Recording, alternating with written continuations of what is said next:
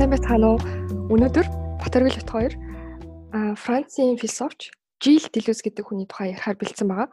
За энэ хүн бол 20 дугаар зууны пост structuralism-ийн одоо хамгийн том төлөөлөгчдийн нэг. Тэгээд бит хоёрын бас хамгийн хайртай философч байгаа. За тэгээд яагаад Жил Делюсийн тухай ярих хэрэгтэй вэ гэдгээс эхлэе. За чи юу гэж бодож байна? За тийм. Делюс бол өөрийгөө айгу метафизикч гэж байгаа шүү дээ, тий. Гэхдээ яг метафизикч гэж байгаа ч гэсэн амар олон төрлийн салбар руу ордог. Надад тэр нь бүр амар гоё байдаг. Математик, физик, геолог, хим, биолог, нийгэм судлал, psychoanalysis, уран зураг, кино урлаг, хэл судлал ер нь бүх салбар руу ордог. Тэгээд одоо нөгөө Thousand Platos гэдэг амар алдартай ном байгаа. Одоо Францын psychoanalyst Guattariтай хамтарсан. Тэрэн дээр ороод ирэхээр ер нь хүмүүс ерөөсө хэлэх үггүй болт юм лээ. Тийм. Тэгээ тэр нь амар таалагддаг. Тэгээд яг Делюзийн философи яг ойлгогдоод ирэхээр амар гоё тийм амьд философи мэдэгддэг. Юмыг одоо хөдөлгсөн, донцлогсон амар эрчимтэй. Тэгээд ер нь тийм болохоор бас нийчэг амин сүнсийг агуулсан гэж бол би боддог. Тийм тэгээд Делюз бол маш баялаг концепт бүтээсэн тийм философч. Аа Тийм ер нь бол ингээ бүхэл бүтэн телевизийн бүр тийм бүтээсэн ертөнц рүү ингэж альтарч орох ч байгаа дээ. Надад бол яг тийм санагдав. Тэгээд уг нь хүмүүс Германы философч Хеглийг бол одоо хамгийн бүтээлч мундаг философч гэдэг юм билээ. Гэтэ миний хувьд бол Делюз гэж Манай мөн Хеглийг яахнуудын хөрх юмтай. Хегл ч амар дээ. Тэгээд Жил Делюзийн гаргасан санаа ер нь яг яагаад чухал юм бэ гэхээр Жил Делюзийн санааг ярихын тулд заавал бүр тийм философийн түүхийг ярих шаардлагатай болт юм билий. Хосогчд маань гайхчих магадгүй яагаад ганцхан хүний санааг ойлгохын тулд ингээд бүхэл бүтэн философийн түүхийг ярих шаардлагатай юм гэж тий. Учир нь гэх юм бол одоо яг бүхэл бүтэн 2500 жил явж ирсэн одоо тэр философийн хэв маягийг бол тэр чигт нь эргүүлсэн байгаа. Одоо яг л Альберт Эйнштейн физикийг тэр чигт нь эргүүлсэн шиг яг тийм үйл явдал бол философт болсон.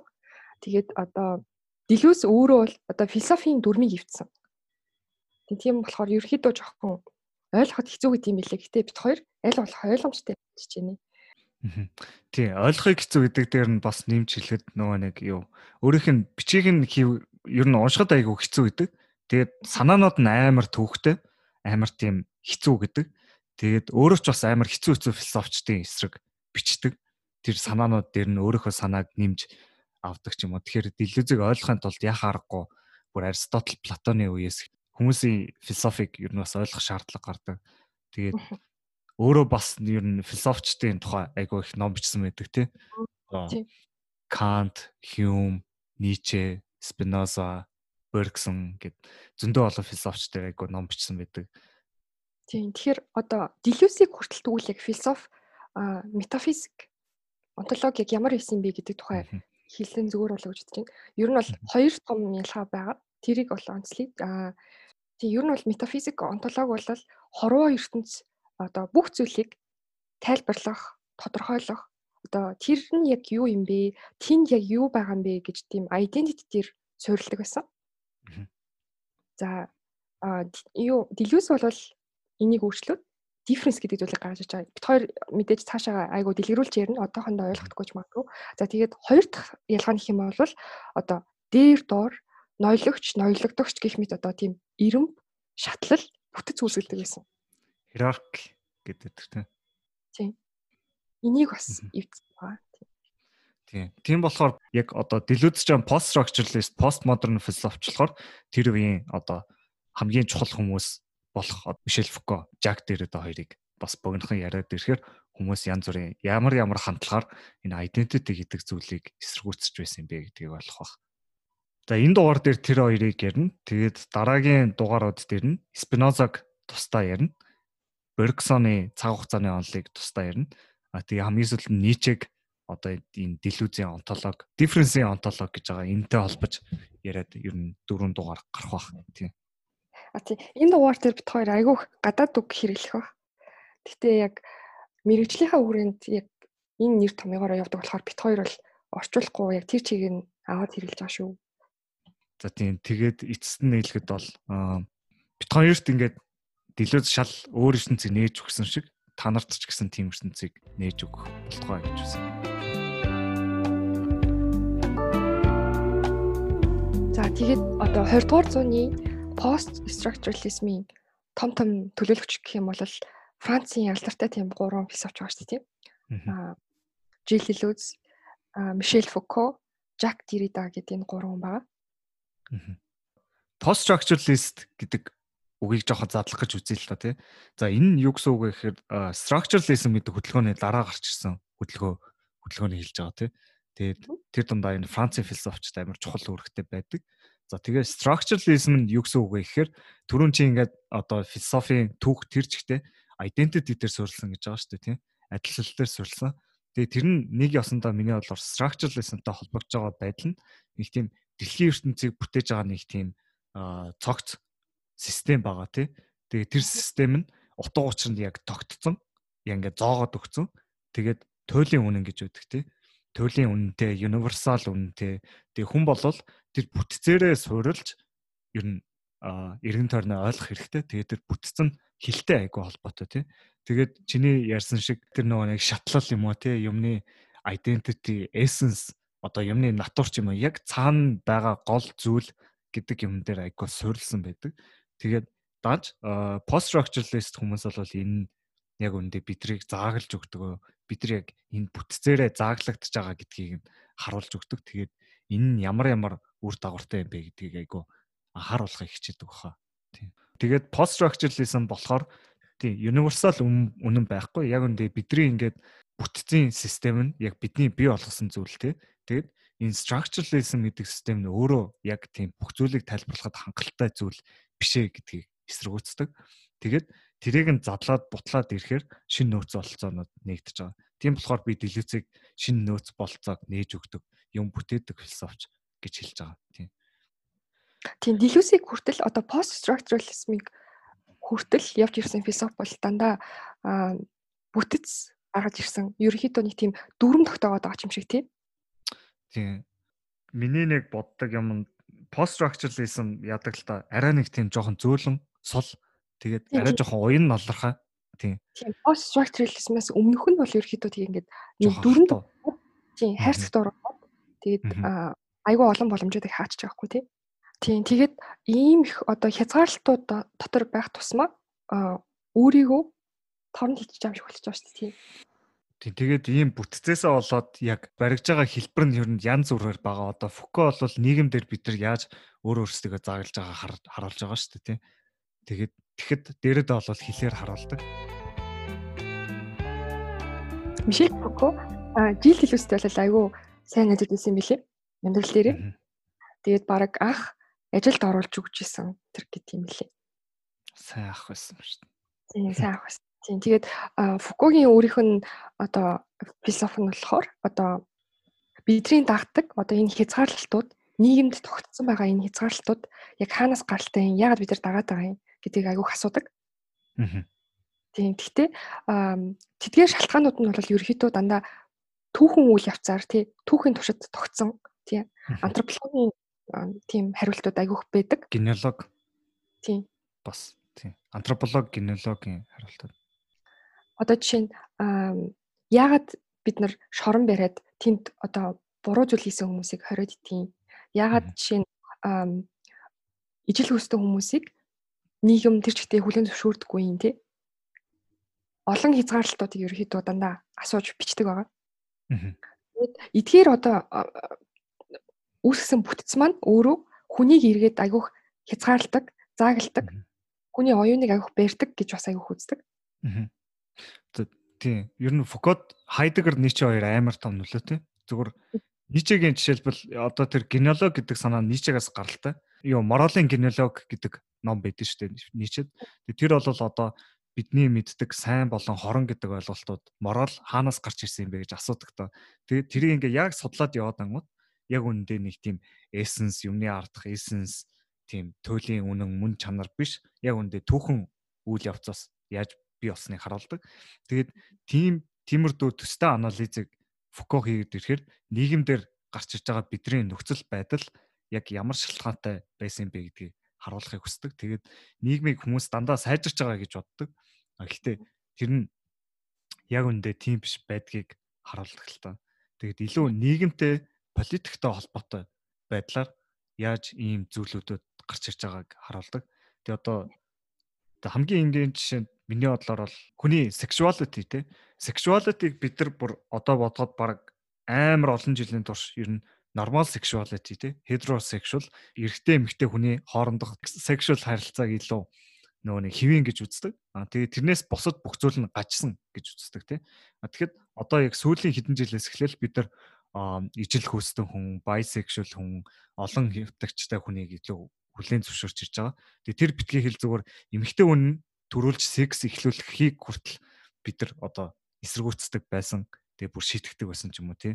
Тий. Тэгээд Фуко бол асууж байгаа байхгүй ер нь бас бодоод үзэхэд яг энэ секс гэдэг нь яг цаанаасаа ингэж хэвийн болоод хэвийн биш гэж хуваагдаж уу эсвэл бид нар өөрсдөө гаргаж ирсэн байна уу гэхээр яг харахгүй бид нар өөрсдөө гаргаж ирсэн. Тэгээ эднэрт одоо янз бүрийн шалтгаанууд байгааг ер нь бол түүхийн цаг үгээр үеэр харуулахыг хичээдэг. Одоо тэр дунд нь католик шашин, шашин бол амар том нөлөөтэй байсан тий. Тэгээд бид нар өөрсдөө ингэж бариад ирэхээр яаж амьдарч болох вэ гэдэг талаар жоохон боогдож эхэлдэг. Энэ нь яг бидний нөөц болцоонуудыг хааж өгч байгаа нэг тал юм уу? Тийм. Манай Фукуч бас өөрөө гээсэн л та. Тийм. Тэгээд sexuality-ийн тухай 500 удас ном бичсэн. Гэтэ бүр хайрын тухай тэр номд нь ерөөсө хоёр нүүр хүртээгүйтэл орсон гэт юм бэл.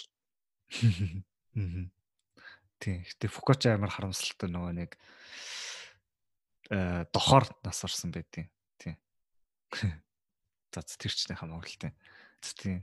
Тэгээд бас би бас 13 дугаар дугаар дээр юу чоронгийн системийн талаар ярьсан.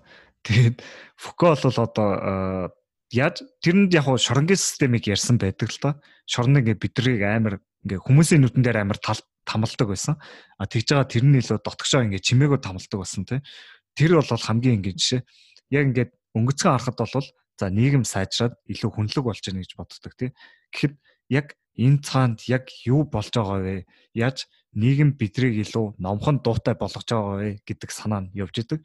Тэгээд одоо panopticon гэдэг ойлголт байдаг. Тэр ойлголт нь одоо зөвхөн шоронгийн системт биш, имлэг, сургууль, компани юу гэдэг ингээ бидний амьдралын бүх хэсэгт ингээ нэвчээд орцсон. Тэг бид нар тэдрийг анзаардаггүй гэдэг санааг амар гаргаж өртөг. Тийм.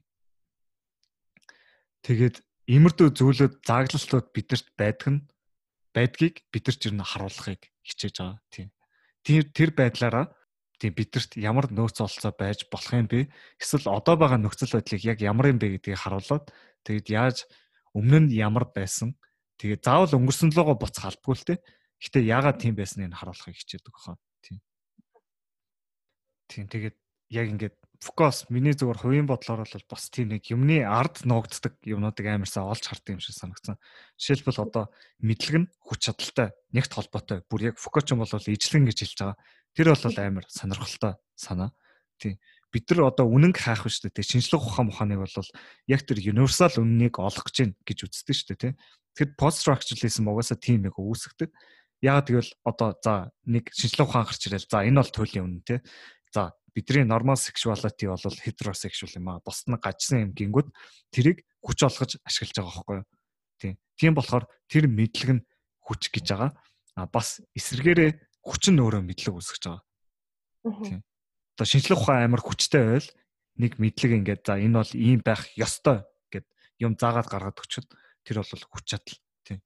Тэгээ нийгэм хүч чадал мэдлэг хоёрын уялдааг харуулсан амар сонирхолтой. Тийм. Тэгэл ер нь яг шүмжилж байгаа зүйл нь бидний энэ одоо юмыг харж байгаа хим маяг нь цаанаа л нэг тийм алдаатай байгааг бас харуулахыг хүсдэг тий. Тий. Бидний бодож байгаа шиг яг тийм объектив универсал ертөнцтэй тэрний ерөөсө таардгүй гэдгийг шүмжилдэг тий. Тэгээд энэ нормал хэвийн болоод хэвийн биш гэдэг нь зүгээр л шүмжлүүдийнх нь зүгээр нэг жишээ.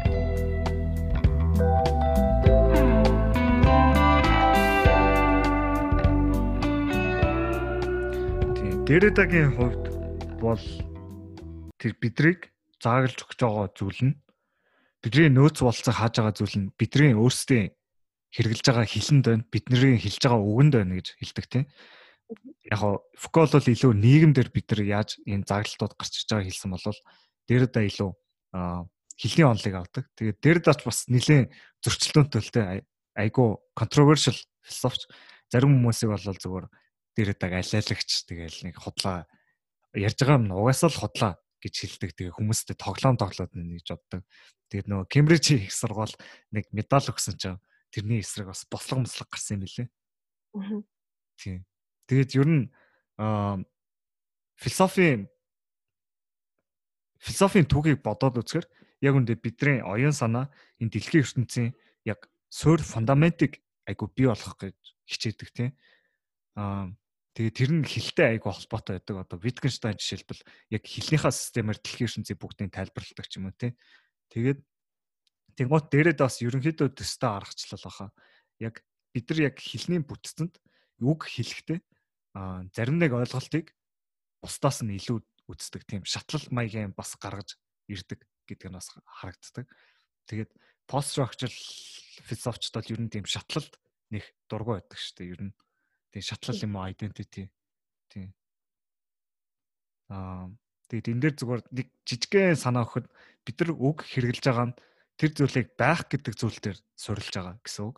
А гэхдээ тэгэхээр тэр байхгүй гэдэг зүйл нь илүү тийм хоёр дахь маягийн гэсэн үг. Гэхдээ яг үндэ энэ хоёр нь яг нөгөө нэг yin yang шиг уг нь бол зэрэгцэж явж байгаа ойлголтууд. Гэхдээ бид нар яг байх гэдгээр нь илүү тэгж хандаж шатлал үүсгэсэн байдлаар хэлээ бүтээсэн болохоор хилэн нугасаа тийм бүтцтэй байхаас өөр аргагүй болохоор эннээс эхлээд ядаж ингээд жоохон эргцүүлж бодох юмнууд гарч ирдэг. Тийм. Тийм тийм болохоор дээрэдагийн хувьд л ер нь үг болвол хизэж тийм тогтсон байж чадахгүй. Үгний утга нь хүртэл өөрөө амар хөдөлгөөнтэй байдаг. Тийм болохоор философийн суурийг бий болгож чадахгүй гэж хэлдэг юм шиг санагдсан. Хилээр дамжуулж хүмүүс бодож байгаа шүү тийм. Хилээр дамжуулж явж байгаа. Хилээр дамжуулж аа бэлтээд бодож байгаа. Тийм учраас уу. Гэтэ нэрээ бодоод үзэхээр бид нар за би нэг үг хэллээ. За нохоо ч юм уу юу гэдэг эсвэл за шудраг ёс гэж за шудраг ёс гингүүд энийг хүмүүс объектив үнэн гэж боддог тий. Тэгэд энэ яг тогтцсон нэг зүйл байна гэж боддог. Ер нь хилчин яг заавал юмыг тогтоогоод зааглаад одоо би тэр үгээрээ нэг юмыг барьж авах гээд байгаа шүү дээ тий. Тэнгүүд дээрэдээ бол тэр баригдахгүй гэж хэлж байгаа. Тэр үгийг тодорхойлохын тулд бусад үгнүүдийн тайлбар шаардлагатай болдог тий. Тэгээд тэдрийг тайлбарлахын тулд дахиад бусад үг хэрэг болно. Ингээл үг нь ингээд задрал үүсээд бахан сүлжээ болчихж байгаа. Тэгээд ерөөсө тэрэнд нь төгсгөл авахгүй. Тийм. Энүүгээрээ болохоор нөгөө distraction хийж байгаа тийм. Тийм. Deconstruction. Үгүй эхлээд distraction хийгээд эхлээд ойлголтоо нураач хаяад дараа нь дахиад босгодог. Тэгээд distraction хийгээд дараа нь construction хийгээд тэгээд нийлээд deconstruction. Distraction гэдэг нь нөгөө Heidegger-аас ирсэн ойлголт юм шиг үлээ. Тийм. Аа. Тэгээд deconstruction ер нь deconstruction ч дээрэдэг хувьд амар том. Тэгээд тэр нь ямар аргачлал вэ гэхээр бид нар яг үгийн утгыг ингээд задлах юм бол яг тийм туйлын үн бас яг байхгүй болцдгоо. Тийм суургүй хөдөлсөн тийм баригдахааргүй тэгээд бусад өгнөд рүүгээ жоохон өөрөөхөө юу гэмтэй. Чи яг юу гэдэг байгаа юм гинэхгүй тэр тэр хэд мэднэ гэд тэгж байгаа юм шиг л. Тэдний тэрнээс асуу гэд тэгж байгаа юм шиг. За за. Тэг тийм болохоор ер нь эцэст нь дүгнэж хэлэхэд яг хэл бол амар тийм уян налархаа. Тийм уян налархаа талыг нь бид нар нэх анзаарахгүй яг эсрэгээр амар хатуу барих барих гад байдаг өгнүүдээр. Тийм тэгэхээр тийм уян налархаа тэгээд бас нэг тоглоом моглоо гэж хэлдэг шүү дээ Wittgenstein. Тийм тэр талыг нь бас илүү хараалсан байдаг баха. Тийм. Тэгээд тэр талыг нь гаргаж өгснөөр бид нар илүү юмыг хааж барихгүй илүү нээж өгөх талыг харах хэрэгтэй баха. Тийм. Тийм. Тэг мэдгүй зүгээр зүгээр дэлгүүс чинь айгуу тийм оптимист юм шиг шүү дээ. Юусе юу ч үгүйсэхгүй. Тийм. Тэгээд амар их боломж нээж өгдөг амар хөөрхөн. Зарим философчид ч ерөөхдөө хүний ямарч байх барьцгүй болгочдөг шүү дээ. Тийм айц төрүүлэн ямар ч шийдэл байхгүй зүгээр эн чин худлаа эн чин буруу гэд бүх юмыг эргүүлээд хайчдаг гэсэн хаач хаа мэдхий болчдаг хүмүүс. Тэгэхэд бид ямарчсан илүүсийн уушууд бол амар гоё сейф мэдрэмж төрдөг шүү. Тэгээд нүд нээж өгдөг, боломж нээж өгдөг болохоор тийм байх барьцгүй юм шиг хэцүү мэдрэмж үл өсдөхгүй. Тийм тэгээд ер нь базарч хэлэхэд бол ер нь ихэнх пост structuralist философчд бол метафизикийг үүсгдэг юм шиг санагддаг. Тэр дундаа одоо онтологийг эсрүүцдэг. За онтологи нь юу гэсэн үг вэ гэхээр юмны яг тэр цаана байгаа мөн чанарыг олох гэж хичээж байгаа гэсэн үг. Ерөөсөө тэр байгаа зүйл оршихуч гэдэг юм уу тий. Тэр зүйлийн яг ард нь юу байгаа би тэрийг нь шавхаж гаргаж ирэхийг хүсдэг. А гэхдээ а бас тэрний илүү одоо аналитик талын онтолог гэдэг ойлголт нь бол яг одоо хорвоо ертөнц юунаас бүтэж юм бүтэж ийнэ ямар ямар бүрэлдэхүүн байна вэ гэж асуухыг хүсдэг байх л та. Гэтэ Дэрэда Фуко бол тийм онтологийг эсэргүүцэн тий. Дэрэд бол үгүй угаасаа чиний наадах чиг хэлэх гээд байгаа үгчэн угаасаа асуудалд орно гэд. Тэгээ Фуко бол ямар хүнд бол ямар нэг тийм туйлын эссенс натур гэж байхгүй тий.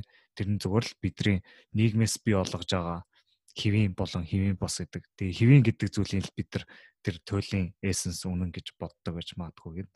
Тийм. А гэхдээ дэлүүзийн хувьд тийм байдгүй юм шиг санагдаг. Дэлүүз илүү яг уламжлалт философич юм шиг бас мэдрэмж төрүүлдэг л тээ. Тийм. Тэгээ тийм болохоор дэлүүз бас онтологийг бол эсэргүүцэхгүй. Онтологоо бий болгоно. Гэтэ тэр нь яг бодит ертөнцийн тохирсон ямиг нээж өгсөн зааглаж хаагаагүй тийм маягийн онтологийг бий болгоно. Тэгээд энийг ярихын тулд Спиноза Бергсон хоёрыг яриад тэгээд сүүлд нь Делюзийн онтолог яг юу юм бэ гэдгийг нийчтэй холбож яриад ахад 3 дугаар гаргаад. За тэгээд дараагийн дугаар дээр Спиноза дээр уулзцаал.